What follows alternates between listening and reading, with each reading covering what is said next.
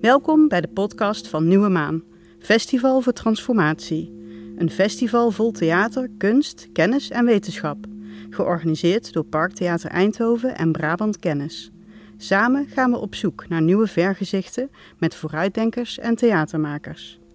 In de maanredes komt de verbeeldingskracht van theater samen met wetenschap en kennis. Voor een metersgrote verlichte maan in een verder donkere foyer van het Parktheater spreken maanredenaren tot het publiek met hun wens voor een betere wereld, een beter Brabant. Je luistert in deze aflevering van Nieuwe Maan de podcast naar de maanreden van Jurien Hamer. Hij is filosoof, jurist en schrijver van het boek Waarom schurken pech hebben en helden geluk, een nieuwe filosofie van de vrije wil. Hij studeerde rechten en filosofie aan de Universiteit Utrecht en promoveerde daar ook. Dankjewel. Dankjewel. Jeetje, een verhaal van hoop. Zware verantwoordelijkheid voor mij in deze pittige tijden waar we in leven. Ja, er staat hier achter mij hangt dus een enorme maan. Uh, voor degene die het nog niet had gezien. Uh, en het idee van de maanreden is toch om, uh, net, als net als destijds de reizigers naar de maan gingen, om, om een toekomst te schetsen waar we graag naartoe zouden willen gaan. Maar ik denk dat om goed na te denken over waar we heen willen gaan, moeten we de problemen die we vandaag hebben eerst goed begrijpen. Dan weten we ook hoe we ze kunnen oplossen en hoe we verder moeten. En als je mij nou de vraag zou stellen, of iemand anders de vraag zou stellen, uh, van ja, hoe komt het nou? Wat is nou de samenhang tussen grote problemen die we hebben? Hè? Bijvoorbeeld als het gaat over economische ongelijkheid uh, of als het gaat over klimaat. Dan zijn, is er altijd wel iemand die zijn vinger opsteekt en die zegt: ja, het neoliberalisme. Neoliberalisme dat heeft eigenlijk de schuld aan alles. En ik denk dat dat helemaal klopt. Ik denk alleen ook dat we vaak niet zo goed begrijpen, niet echt doorgronden, wat het nou precies is aan dat neoliberalisme wat vooruitgang in de weg zit. Wat ervoor zorgt dat we grote problemen niet opgelost krijgen. En dat wil ik eigenlijk deze maanreden proberen te doen. Ik wil eigenlijk twee elementen van het neoliberalisme uh, beschrijven, bespreken en uitleggen hoe die problemen voor onze samenleving veroorzaken en hoe we er ook misschien uit zouden kunnen. En het interessante van zoiets als neoliberalisme is, het is een enorm invloedrijke stroming. Dus ik denk dat iedereen hier wel een paar neoliberale, neoliberale gedachten heeft of gewoontes heeft. Dus dit, dit praatje gaat niet over een systeem dat we met z'n allen omver moeten werpen. Dat moeten we ook doen. Maar het gaat ook vooral over wat je zelf eigenlijk kan doen. Welke vragen je jezelf zou moeten stellen om je eigen leven wat beter te maken. dus waar zit de neoliberaal in jullie allemaal? En hoe kan je die neoliberaal een beetje bestrijden? Goed. Neoliberalisme heeft twee kenmerken die heel erg problematisch zijn. Het eerste is dat het schade verhult. En het tweede is dat neoliberalisme een idee van verdiensten propageert, wat helemaal nergens op slaat. Dus die twee ga ik even langs. En dan koppel ik ze ook aan de problemen waar we uh, ja, mee worstelen vandaag. Dus eerst die eerste, het, het verhullen van schade. Ja, ik doelde er dan op dat het heel neoliberaal is om tegen elkaar te zeggen: joh, jij doet jij en ik doe ik. En jongens, vrijheid, blijheid. Ik weet nog wel dat ik, eh, toen ik jong was, als ik dan met vrienden ging afspreken. en op een gegeven moment was er een verschil van mening over wat gaan we nou doen. En dan splitsten we in twee groepjes op. En dan zeiden we ook allemaal: jongens, Vrijheid, blijheid. Je doet gewoon je eigen ding. Dat is een hele krachtige, belangrijke gedachte in onze samenleving. Ja, want wat schaadt het nou hè, dat jij iets anders doet dan ik? Het maakt toch niet uit hè, dat ik van vlees hou en jij houdt misschien niet van vlees? Het maakt toch niet uit dat ik hou van hele verre reizen uh, en uh, ja, jij blijft liever thuis? Dat zijn toch gewoon verschillen die moeten kunnen bestaan? Is er niet per se een beter en een minder. Vrijheid, blijheid, jongens. Maar vrijheid, blijheid, dat verhult wel degelijk hele reële schade die onze keuzes creëren. En dus ik heb er niet direct last van als mijn buurman een verre vliegreis maakt. Maar het brokkent wel degelijk schade. Want er zijn emissies van die vlucht, het klimaat warmt weer verder op. En dat uiteindelijk is de leefbare aarde voor mij, die heeft daar last van. Heel klein beetje last, maar toch last. Het is hele reële schade. Hetzelfde geldt als, als dat ik, ja, ik zal even maar niet zeggen wie van mijn intimie dit betreft. Maar ik heb iemand in mijn omgeving die houdt ontzettend veel van snijbloemen. Echt, bloemen, bloemen, bloemen, altijd bloemen. Elk live event, pats, enorme bos bloemen. Alsjeblieft voor jou. Dat lijkt echt het meest onschuldige wat je je zo ongeveer voor kan stellen. Dat is lief, dat is attent, maar het is ook schadelijk. Ja, want de productie van snijbloemen, joh, dat kost hartstikke veel water, het kost hartstikke veel energie.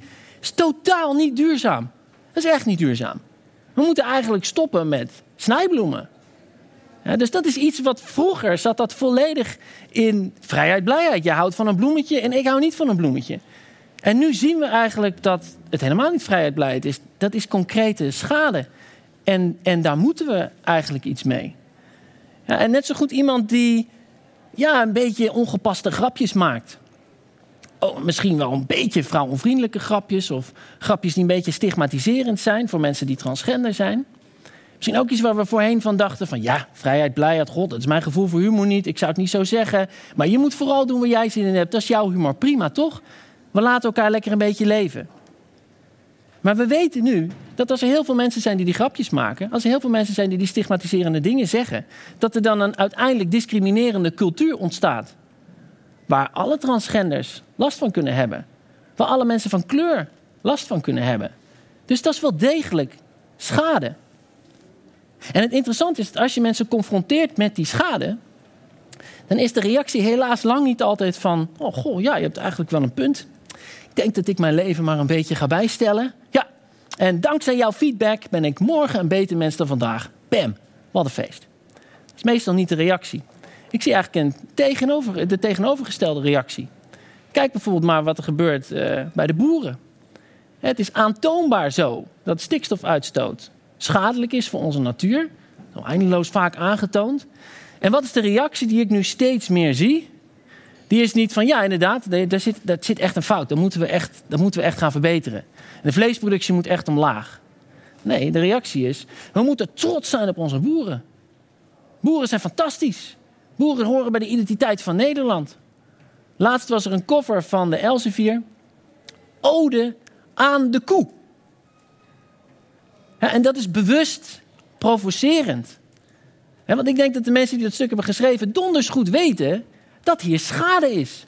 Maar in plaats van die schade te erkennen, is de reactie van jongens, wij zijn toch gewoon trots op het feit dat wij een prachtige agrarische industrie. Kunnen we daar niet meer trots op zijn? Dat het een geweldig exportproduct is voor de Nederlandse economie. Kunnen we daar niet meer trots op zijn? Ja, en ik, heb, ik interesseer me daarvoor. Voor waarom vinden we die trots dan zo vreselijk belangrijk? Ja, en ik, je hebt echt het idee dat het met onze eigen waarde te maken heeft. Ja, want op het moment dat je moet toegeven dat het eigenlijk een beetje fout was, dat je je hele leven hebt gewijd aan het opbouwen van intensieve varkenshouderij, dat het eigenlijk een beetje schadelijk was, dat je de hele wereld over bent geweest met het vliegtuig om overal een beetje de toerist uit te hangen, dat het eigenlijk schadelijk was dat in plaats van een lieve knuffel en mooi duurzaam houten speelgoed, je de hele tijd mensen maar bloemen hebt zitten geven. Ja, dan heb je het dus heel lang verkeerd gedaan. Ja, en dat is niet een makkelijk iets om te accepteren. Het is niet voor niets dat jonge mensen vaak idealistischer zijn dan oude mensen. Want jongens, jonge mensen hebben nog niet zo'n lang moreel strafblad. Weet je, die kunnen nog veranderen. Die zijn nog een soort van zuiver, weet je. Die hebben nog niet zoveel foutjes gemaakt. Maar als jij 60 bent of je bent 70... en jij moet accepteren dat je taalgebruik schade heeft veroorzaakt. Dat je eetgewoontes schade hebben veroorzaakt. De manier van ontspannen heeft schade veroorzaakt. Terwijl jij dacht, joh, dat is een kwestie van smaak. Dat is vrijheid, blijheid. Dat is nogal wat. Ja, dus, dus eigenwaarde staat hier op het spel. Ja, en daarom zou ik ook willen zeggen, wees een beetje mild voor elkaar als je de boodschap brengt dat er schade is ontstaan. Maar tegelijkertijd moeten we echt door de zure appel heen gaan bijten. we moeten s ochtends als we in de spiegel kijken, moeten we eerlijk tegen, tegen onszelf zeggen van nou, wat in mijn leven berokkent op dit moment eigenlijk schade? Probeer die vraag eens eerlijk te beantwoorden. En niet weg te lopen voor de schade van allerlei gewoontes. Want we weten het nu. We weten dat, de milieu, milieu naar de knoppen gaat. We weten dat institutioneel racisme bestaat. We weten dat er problemen zijn met de acceptatie van transgenders. Dat weten we allemaal. Nou is het nog tijd dat mensen over dat stukje eigenwaarde heen stappen en dingen gaan doen waar ze echt trots op kunnen zijn. Dus dat is een mooie opdracht voor iedereen hier aanwezig. Ga er lekker mee aan de slag. dat was element 1 van, van een neoliberale karakter, wat een beetje in ons allemaal is geslopen. Ja, we zijn schade aan het verhullen, omdat we heel veel eigen belang en trots hebben en we durven het niet zo te erkennen. Gaan we naar element nummer 2. Dat gaat over die verdiensten. In een neoliberale samenleving is het heel normaal om te zeggen van... joh, je maakt allemaal je eigen keuzes in het leven. En als je de goede keuzes maakt, ja, dan heb je succes. En als je de slechte keuzes maakt, ja, dan heb je pech. Ja, dan gaat het wat minder goed voor, met je. En dat is eerlijk. We leven in een meritocratie, wordt er dan ook wel vaak gezegd. Hè? Je wordt beloond naar je verdiensten. Als jij een arts bent en je maakt nooit een fout, ja, je verdient dat hele mooie salaris. En als je prutst, ja, dan word je ontslagen. En dat is eigenlijk gewoon eerlijk. De, de, de rijke mensen in deze samenleving zeggen heel vaak van... joh, ik, uh, ik ben self-made. Ja? Ik heb allemaal risico's genomen, ik heb keihard gewerkt. En nou ben ik inderdaad heel rijk. Ja, en heel veel andere mensen zijn inderdaad niet zo rijk. Ja, nou ja, het is een vrije samenleving. Weet je, je creëert je eigen werkelijkheid. Zei iemand laatst nog tegen me. Ik werd daar een klein beetje gepikeerd van. Want het ding is natuurlijk, geen mens is self-made. Weet je wel, zoiets bestaat helemaal niet. Je wordt geboren met een stel hersens en dat is er gewoon. Je bent niet naar de hersenwinkel gegaan en je hebt gezegd van nou, ik wil graag uh, een beetje risicomijdende hersens met een talenknobbel. Zo gaat het niet. Je krijgt gewoon een stel hersens. En dan is het nog steeds niet klaar, want dan word je opgevoed. Nou, je ouders kies je ook al niet uit. Die zitten je hersens de hele tijd maar een beetje te manipuleren. Ik ben dat nu ook al doen bij mijn eigen kinderen. Ja, mijn kinderen kiezen daar niet voor hoor, hoe ze worden opgevoed. Dan ben ik aan het kiezen. En kies ik er dan voor? Ja, ik weet het niet. Ik ben ook weer op een bepaalde manier opgevoed. Dat heeft mij weer gevormd. Ja, en niet alleen hersenen en opvoeding. Wie zit erbij in de klas? Welke vriendjes maak je, welke vriendjes maak je niet? Zijn er tragische gebeurtenissen in je leven? Heb je bijvoorbeeld te maken met familieleden die last hebben van een verslaving? Of ben je daarvan gevrijwaard? Er is recentelijk een onderzoek gedaan eh, door onderzoeken van de WRR. En dat ging over wilskracht. en de vraag was eigenlijk van, nou, we zien dat sommige mensen wilskrachtiger zijn dan andere mensen. Hoe komt dat nou? En het antwoord was dat eigenlijk rond het zevende levensjaar de wilskracht van mensen wel enigszins is uitgekristalliseerd. Dus de verschillen tussen de een en de ander, tussen tot, tot, op je zevende jaar is dat ongeveer wel duidelijk. En het heeft voor een enorm deel te maken met je genen. Ja, dit is typisch zoiets waarvan we in dagelijks leven zeggen van ja, die een koos er gewoon voor om door te zetten. Hè, en om, om zich te beheersen, zich in te houden, gefocust te blijven. En de ander, och ja, die liet zich afleiden door allerlei zaken en toen werd het geen succes. Maar zo'n eigenschap als wilskracht, dat zit enorm ingekookt. Ja, hele wilskrachtige mensen hebben daar niet zelf voor gekozen. Die hebben gewoon ontzettend veel mazzel. Ja, en de mazzel zit dus echt overal. Ja, de hersens die je hebt, de ouders die je hebt, het feit dat je in Nederland bent geboren. En heel vaak zeggen we dan tegen elkaar, hè, want we lezen ook wel eens de krant. Ja, best veel dingen in het leven zijn mazzel. Maar het gaat er natuurlijk ook om wat jij zelf met die mazzel doet. Dus er zit altijd nog wel een uh, mooi stukje verdienste zit erin. En mijn opvatting is heel helder. Dat is er dus niet. Dat is er gewoon niet. Dames en heren, alles in het leven is geluk en pech. Ja, wat zou het in hemelsnaam moeten zijn? Dat je, je hebt een keer briljant, op briljante wijze je hersenen gebruikt. Ja, maar die hersenen, die heb je niet gekozen. Ja, dus als, als er een gebeurtenis is in je leven die goed gaat, dan zijn er altijd vele vaders van dat succes. Ja, je kunt een afstudeerfeestje hebben. En op het afstudeerfeestje, dan kan, eh, ik ben bij beide soorten feestjes geweest. Eh, bij het afstudeerfeestje, dan kan gezegd worden van, oh, ongelooflijk, deze student, die heeft zich zo er doorheen geworsteld en die verdient dat diploma en we applaudisseren allemaal en echt fantastisch, de beste keuzes gemaakt. Man, hier, hup, op een voetstuk, fantastisch. We kunnen ook een afstudeerfeestje hebben, dat was meer mijn afstudeerfeestje. Toen was ik druk bezig met uh, verklaren hoe fantastisch ik was uh, aan de hele wijde wereld. En toen kwamen mijn ouders. En mijn ouders die hingen twee borden hingen ze om me heen. ik denk, wat doen jullie nou? Dit is mijn moment of glory. En nu komen mijn ouders weer een of ander koddig ding doen. Oh, verschrikkelijk. Maar mijn ouders die hadden op die borden hadden ze alle namen geschreven van mensen die een rol hadden gespeeld in mijn leven. En die ook een rol hadden gespeeld in het succes van mijn diploma's. En dat ging echt van mijn pianoleraar tot mijn wiskundedocent, tot mensen uit de kerk waarin ik ben opgegroeid, tot mijn beste vrienden, tot mijn familieleden. En mijn ouders zeiden eigenlijk tegen mij: We zijn ongelooflijk trots op je, maar jouw succes hangt helemaal samen met al die mensen die op dat bord staan. En daar moet je je wel van bewust zijn. En dat betekent dat jouw succes ook wel een verantwoordelijkheid met zich meebrengt. Als jij nu een hele succesvolle carrière gaat krijgen, deels vanwege dat mooie diploma, dan moet je ook teruggeven aan anderen. Dan moet je ook solidair zijn aan anderen. En niet omdat dat nu eenmaal heel vrijgevig van jou is of zo. Nee, omdat het gewoon een onderdeel van het leven is om het geluk dat jij hebt door te geven aan iemand anders. Dat is een hele radicale gedachte als je dat toestaat. Als je bij jezelf nagaat van waar heb ik allemaal al geluk mee gehad? Ja, want dat betekent dat de ongelijkheden die er nu zijn in onze samenleving, en dat zijn er nogal wat, de kloof tussen rijk en arm is diep en breed, dat het echt helemaal nergens goed voor is. op het moment dat de een in een villa woont en de ander die woont in een klein appartementje, dan is het simpelweg niet zo dat er een soort goede reden is dat die ander in die villa woont. Het is niet een soort intrinsiek dat dat ergens goed voor is. Nee, het is andersom. In principe is het gewoon krom. In principe verdient iedereen het gewoon om een mooi, goed, waardig leven te hebben. Het is allemaal een kwestie van geluk en pech.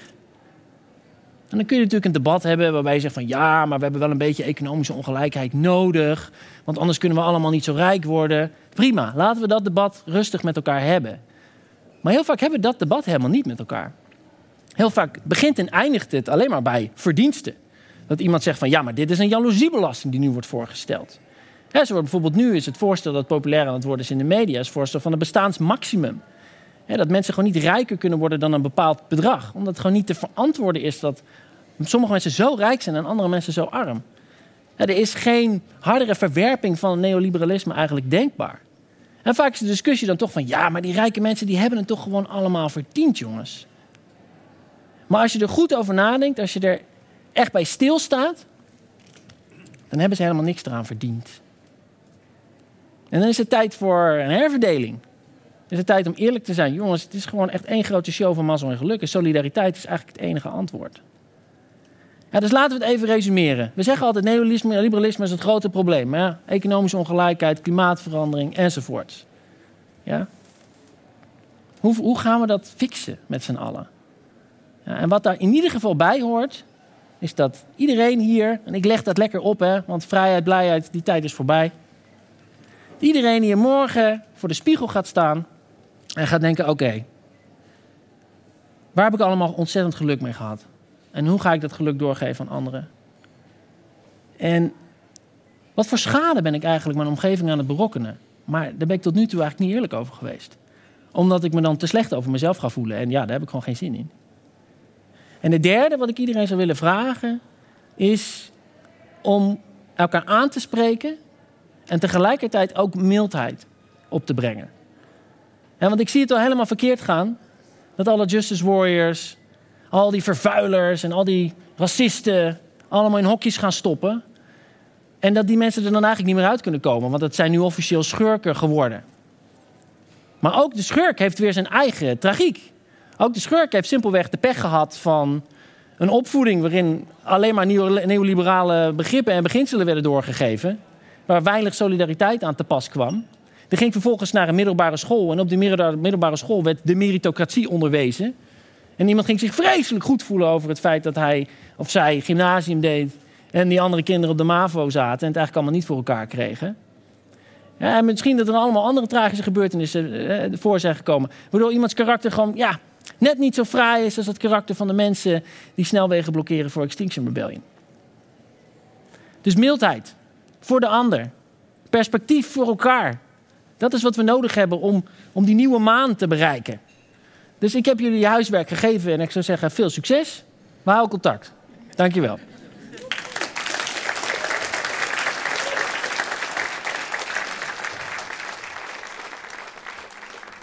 Je luisterde naar Nieuwe Maan de podcast van Parktheater Eindhoven en Brabant Kennis. Een podcast gemaakt tijdens Nieuwe Maan, Festival voor Transformatie. Luister ook de andere afleveringen van deze podcast met maanredes voor een betere wereld, een beter Brabant.